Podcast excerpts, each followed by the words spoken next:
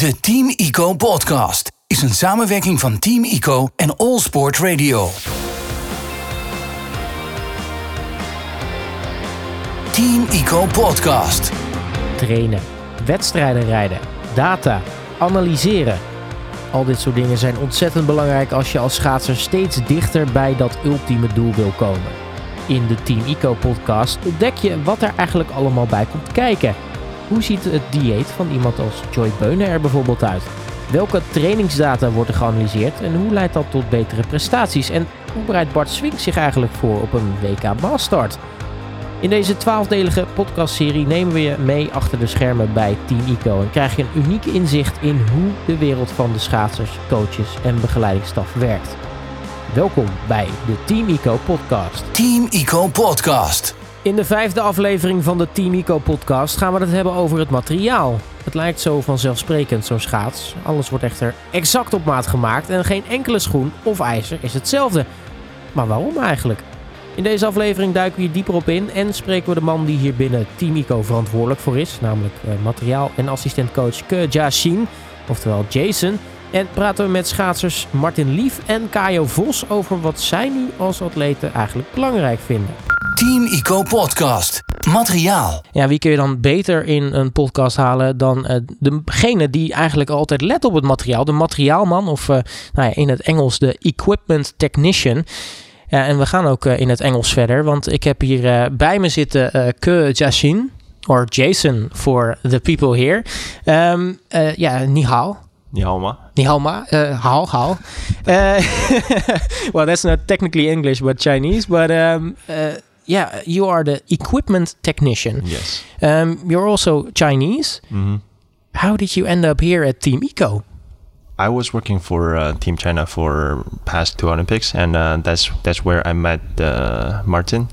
So uh, on the on the long way, we're just helping each other out, and uh, had a good, uh, very good conversation, and uh, share a good view about this this this team or this sports. Then um, here I am. Where where does that that speciality begin? Because uh, uh, if I remember correctly, you you you were a pro ice skater yourself Yeah. as well. Yes, I used to be a good uh, speed skater, right? And uh, but uh, when I was 17, I got the the wobbling thing, like wobbling feet. Like it's not really common thing in uh, speed skating, but there's uh, quite a lot of people have the problem. But I just couldn't control my blades anymore. That's how I quit it because I couldn't skate. Every time I place my right blades on ice, then it somehow at the beginning it's shaking and turns into uh, off the edge at the corner. So I fell. So uh, after that, I went to Canada, just try to figure out like what's going on. Then I believe my conclusion would be at the beginning was the blades. I think the offset and the bend and rocker was wrong, but later on it turns to a habit and it turns to uh, some neural thing. Then uh, we couldn't solve it. I couldn't solve it anymore. Yeah. So that's how I um, how I started this equipment thing. I'm trying to because I know what I have lost, so I don't want any other skaters to suffering these problems when they were really young, and uh, that's how, and that's why I want to I want to do this, like to get this thing done as best as as I can. Yeah. So basically, uh, you have put your own experience into uh, helping helping others. Yes. What does an equipment technician do? normally just take care of the blades in general. Like uh, there's a bend and rocker on the blades, so you're just trying to um, to get the best rocker and bend to fit the skater's technique or their distance on the top speed. That's that's where I'm trying to be. But if, in my opinion, if I want to level up this uh, this game, I'm always trying to um, to take good closer about their technique and um, like how am I gonna play with bend and rocker in different ice rink to adapt better on their technique, like how they push and the timing of their push or their their skating style, like those kind of thing. you know to make those adjustments you know it's, it's quite something to put like feeling of an athlete into you know calculations and say oh i need to change this by a few millimeters or Yeah.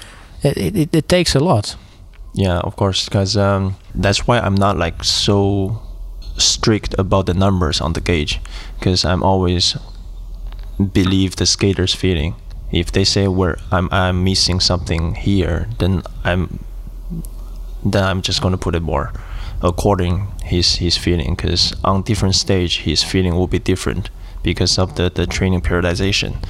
So all I do is trying to get the best feeling of the skaters on ice. So I just go with the feel, man. yeah, go with the feel. Um, now there has changed a lot in the last years with with ice skates. Everything Mhm. is getting faster, getting quicker, getting lighter, new materials. Yeah. How do you know when to adjust what? Uh, that's actually a pretty good question. Uh, I can see pretty clear for sprinters, in my opinion, because especially 500, it requires more speed. If they're missing power or drifting out on the second corner of the 500, then it's pretty easy to see that. That's where you need to, um, you have to play around with their skates, even their boots, because I uh, I actually observe a, a lot of Dutch skater used to skate on pretty softer skates boots in uh, 500 like for 500 specialist but I think like in general speed skating world and the speed is getting higher uh, speed faster and faster Mhm. it also requires more stiffer boots to hold the corner especially on the second corner of the 500 Yeah, because there are so many forces uh, exerting on uh, on Yeah. a, an ice skate, but on a skater as well, especially during that second corner of the 500. Yes, you you you really need to hold the corner after the apex to uh, to get the top speed. And you say that the boots need to be stiffer, so they, they have to use more carbon. Yeah, a certain a certain spot, not just like all over like really stiffer boots, but you need to uh, play with it in with the different shape of carbon fibers, in my opinion. What can you adjust on, on the blades? Because uh, what I've heard, it's, it's uh, pretty much a lot as well. Yeah. So basically, just the the round, the the the rocker and the bend. You actually, if if I'm gonna do something about the rocker, it really depends on the on skaters body mass, like body weights. If they're really heavy and or um, the ice is pretty fast, then I'll put it a little fatter to to give them more pressure. And um, bend is mostly for the corner, in my opinion. Yes. So that about the, the, the ice skates. You say also like, uh, you know, uh, the skater itself is a factor in, in depending on uh, on how a blade or how a shoe, how a skate looks like. But you say there's also difference in, in the type of ice. So Yeah. each track maybe requires different settings. yeah different different bend and rocker for sure for for, uh, for example like salt lake city and calgary like the speed is way higher than uh, than a sea level rink so that's why you need more uh, more control of the blades to uh, to hold the top speed so that's why the the rocker and bend needs to be changed but like even though everybody's saying saying the the size of or, or the radius of the corner are the same but when skaters skate on it, then it's different. Everybody tell you that there's a there much difference. So that that's the the, the, the technical part of, of you know the, the equipment and everything. Yeah, are there ice skaters in Team IKO who have like a maybe a very interest in, in equipment and how everything works? Who you know are talking with you a lot about it? Yeah, like they they they're all pretty interested about it actually. yeah, because after I change something, they say, "Oh, I never felt this before." Then uh, how did you do it? And I'll just explain to them. Yeah. So so Yeah. uh, basically you you go from equipment technician to equipment magician. Ah, Well, it's good to talk to you about this because, of course, you are the main man if it's about equipment here at uh, Team Eco. So, uh, Shasha and Sachin. yeah, thanks. Team Eco Podcast. Kajo Vos. Nou ja, materiaal is natuurlijk van ongekend belang als eh, schaatser. Maar ben jij iemand eh, die daar sowieso zelf veel mee bezig is?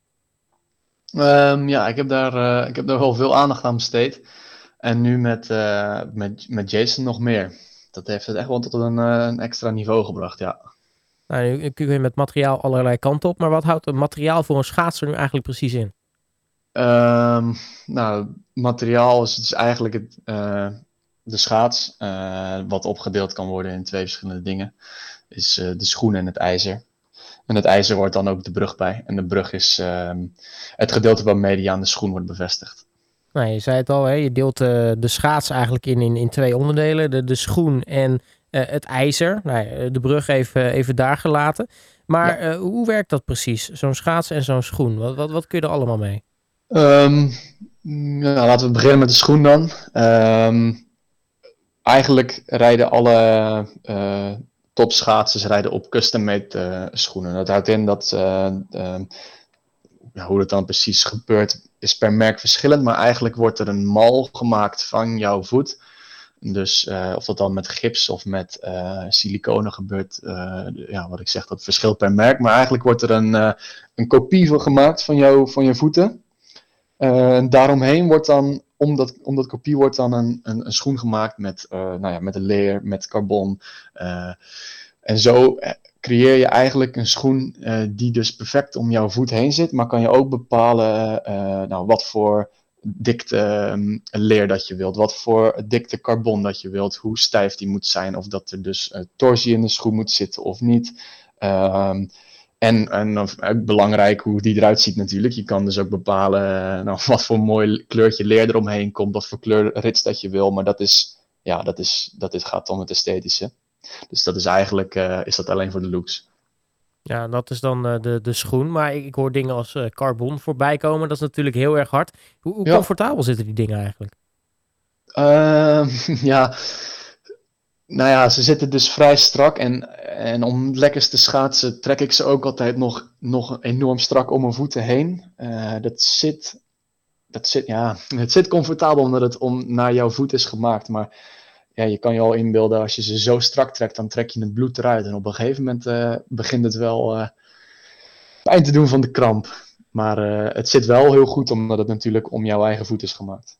Nou, zometeen pakken we even de ijzers erbij als we nog even bij de schoen blijven. Hoe weet je nou precies wat voor jou het beste werkt als, als schaatser met die torsie en die hardheid en zo?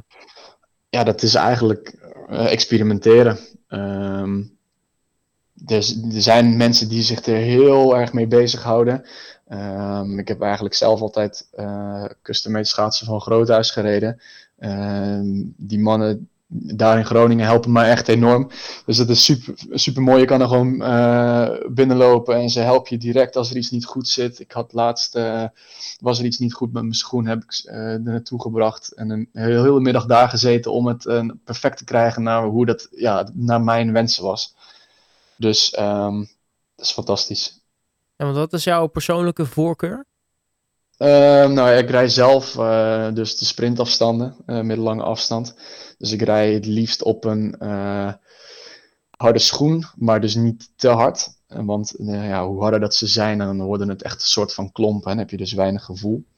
Um, ik rij met lichte torsie, zodat ik ze wat makkelijker teruggestuurd krijg op het rechte stuk. Maar dus ook niet te veel, zodat je wel de, de stijfheid en de stevigheid behoudt voor in de bochten. Nou, hoe leer je zoiets herkennen? Uh, dat, precies dat gevoel in je, je schoen van nou, misschien net iets meer torsie of uh, ja. misschien iets minder, minder hard. Ja, je zegt al, hè, je leert alles uh, de, door, door, door schande en wijsheid, maar je moet ook natuurlijk maar precies aanvoelen wat, je, wat je meer of minder nodig hebt. Ja, dat, dat doen we dus met, met Jason nu. Um, ja, en als je eigenlijk sinds we met hem zijn begonnen, is het, is het niveau al echt enorm omhoog gegaan in de ploeg ook. Dus het is echt heel erg verbeterd, omdat het, uh, ja, als je, niet weet, als je niet weet wat je mist, zeg maar, als je niet weet hoe een, een rechte schaats voelt, zeg maar, voor het, om het even te zeggen, want vanuit de fabriek vandaan uh, kunnen ze nog wel eens uh, nou, voor het ogen recht lijken, maar als je dan de, de rondingsmeter eroverheen had, kunnen ze nog wel eens afwijken. Jason die is heel erg bezig om ze dus dan in de juiste bending en ronding te krijgen. Um, en je voelt pas uh, het verschil wanneer dat je gewend bent aan iets en het dan gaat veranderen. Dus als je niet weet wat je mist, dan heb je ook geen idee hoe het dan wel zou moeten voelen. En vooral nu, wanneer dat het zo uh, specifiek en goed wordt gedaan door Jason, uh, kun je ook pas gaan stellen en experimenteren met andere rondingen, bendingen en de stand van, van de schoen en ijzer. Als we het nu hebben over ijzers, wat is nou het belangrijkste voor jou qua, qua ijzers? Um, nou, er zijn, ja, er zijn verschillende soorten ijzers, maar zoals ik net al zei, uh, Viking heeft eigenlijk wel het monopolie. Uh, die um, heeft dan een uh, onderscheid gemaakt tussen een sprintijzer en een nou, soort lange afstandijzer. Eigenlijk snel gezegd, dus een Icon en Sapphire, dus de blauwe en de zilveren ijzers. Ik zelf rijd dus op de, op de Icons, of sorry, de, de Sapphires op de, op de 1000, uh, 1500 en de 500 meter. En als ik een marathon of uh, master rijd, doe ik dat op die uh, Icons, omdat die dus net even wat, uh, wat slapper zijn, maar dus wel meer ontspanning en rust zorgen. En nu hebben we Jason al heel veel genoemd. Hij is natuurlijk ook ja. wel in deze podcast voorbij gekomen. Hoe is jouw samenwerking met hem? Ja, het is echt het is lastig op de ene manier, want hij is Chinees en spreekt uh, Engels. Uh, heel, uh, hij is goed Nederlands aan het leren, maar het is nog te, te moeilijk voor hem om een gesprek te, te voeren. gelukkig kan ik goed Engels, dus weet ik mezelf wel verstaanbaar te maken tegen hem. Maar het is toch lastig om jezelf te uiten in een andere taal, als je moedertaal Nederlands is. Um, maar hij kan goed Engels en dus het, gesprek gaat heel vloeiend. En hij heeft er gewoon vooral heel veel verstand van. Dus dat is, dat is heel fijn. En hoe bepaal je dan uh, samen wat nou het beste, beste werkt? Is het gewoon heel veel, heel veel samen uitproberen? Of, want ik heb hem ook laten vertellen, uh, Jason is iemand die hoeft maar naar je te kijken. En hij weet exact wat je nodig hebt. Ja, dat is inderdaad wel. Dat is en een pluspunt van hem, maar dat kan ook een valkuil zijn.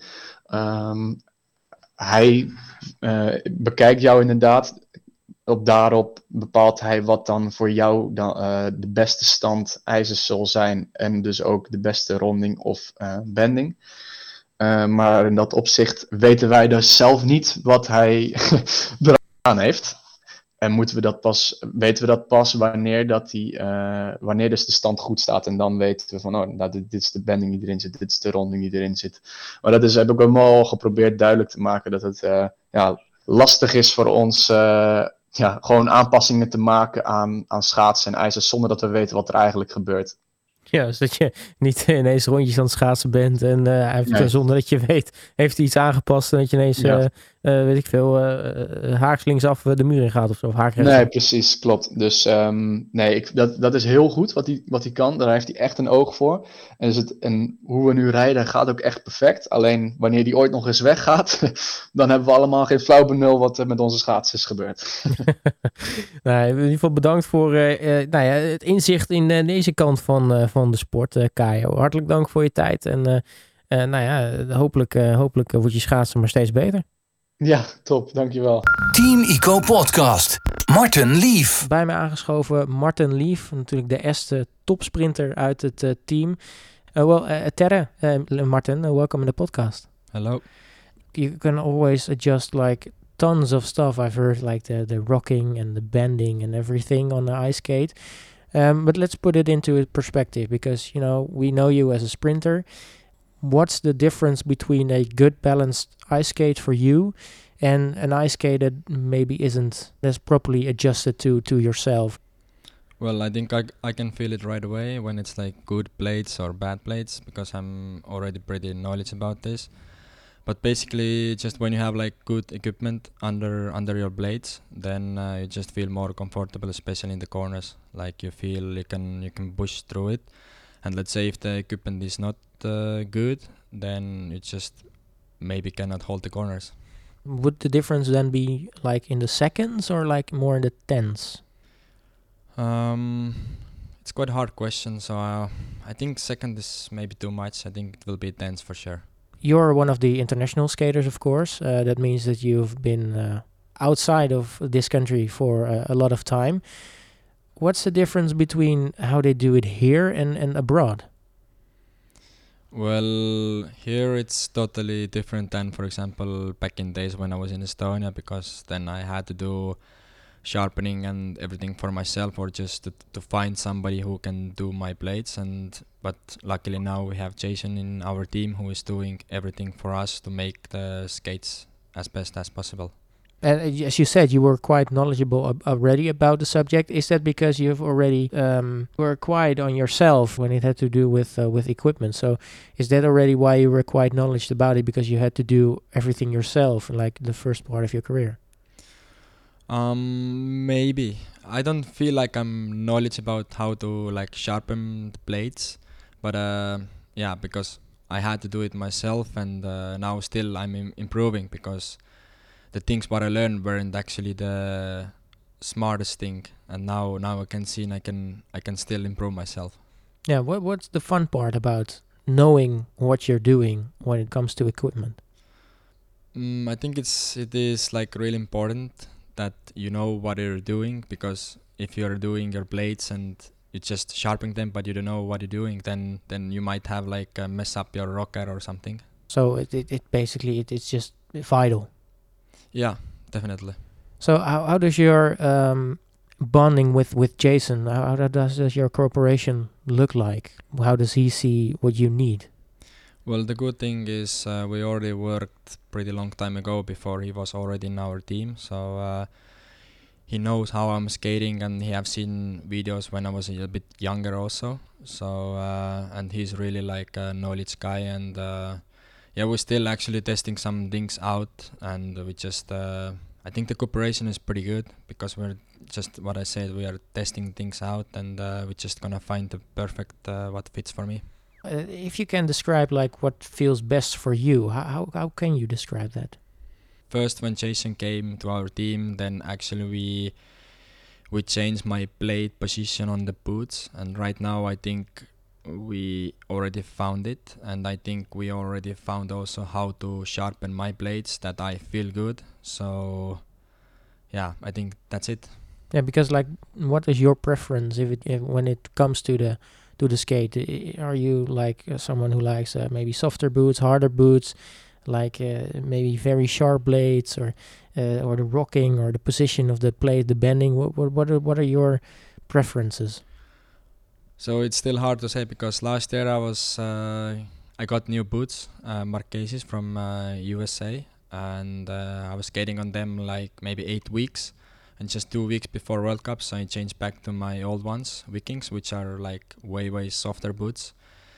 The reason why I changed was because I just couldn't skate straight on my Marchese boots, which are stiffer, and I just didn't know how to do it, and. Maybe corners were a bit better on Marchese because they are like lots different. You have like uh, more, um, it's like more stable. And then the rest of the season, I was skating on the Vikings on the softer boots. And then after my season was done, I put Marchese on because I knew this coming summer I will start again on Mar- Marchese. And uh, so far, I'm staying on them and just gonna try to skate the whole season with them. Let's see how it goes. But uh, right now, it feels good, and I know it. I just need more time to to get the boots into into my body. We have uh, an upcoming World Cup in Salt Lake City. Uh, of course, you are going to be there, uh, Marten. Um, what can you change about your material to go as fast as possible there? Because of course, Salt Lake City is a is a high track. Uh, maybe asks much more different things than when you are on a lowland track like here in uh, in in Thialf. Yeah, the ice is much much more faster there, and uh, you can see also the times are much faster there than, for example, here. For example, my thousand meter is one second faster than here in uh, Europe. Um, but um, I don't know uh, exactly what we're gonna do with my blades, especially because the position will be the same. But probably we're gonna change something on the blades, but I'm not sure yet what we're gonna do. We're only going to find out later, of course, when it's uh, when it's time to uh, to skate there in uh, in Salt Lake City.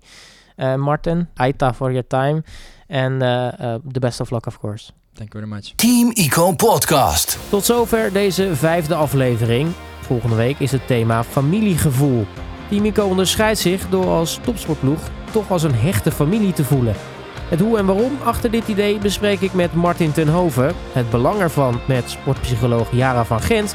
En hoe dit vanuit de atleten wordt ervaren met schaatser Jesse Spijers. Tot zover deze aflevering van de Team Ico Podcast. Wil je op de hoogte blijven van de ontwikkelingen rondom het team? Kijk dan op teamico.nl.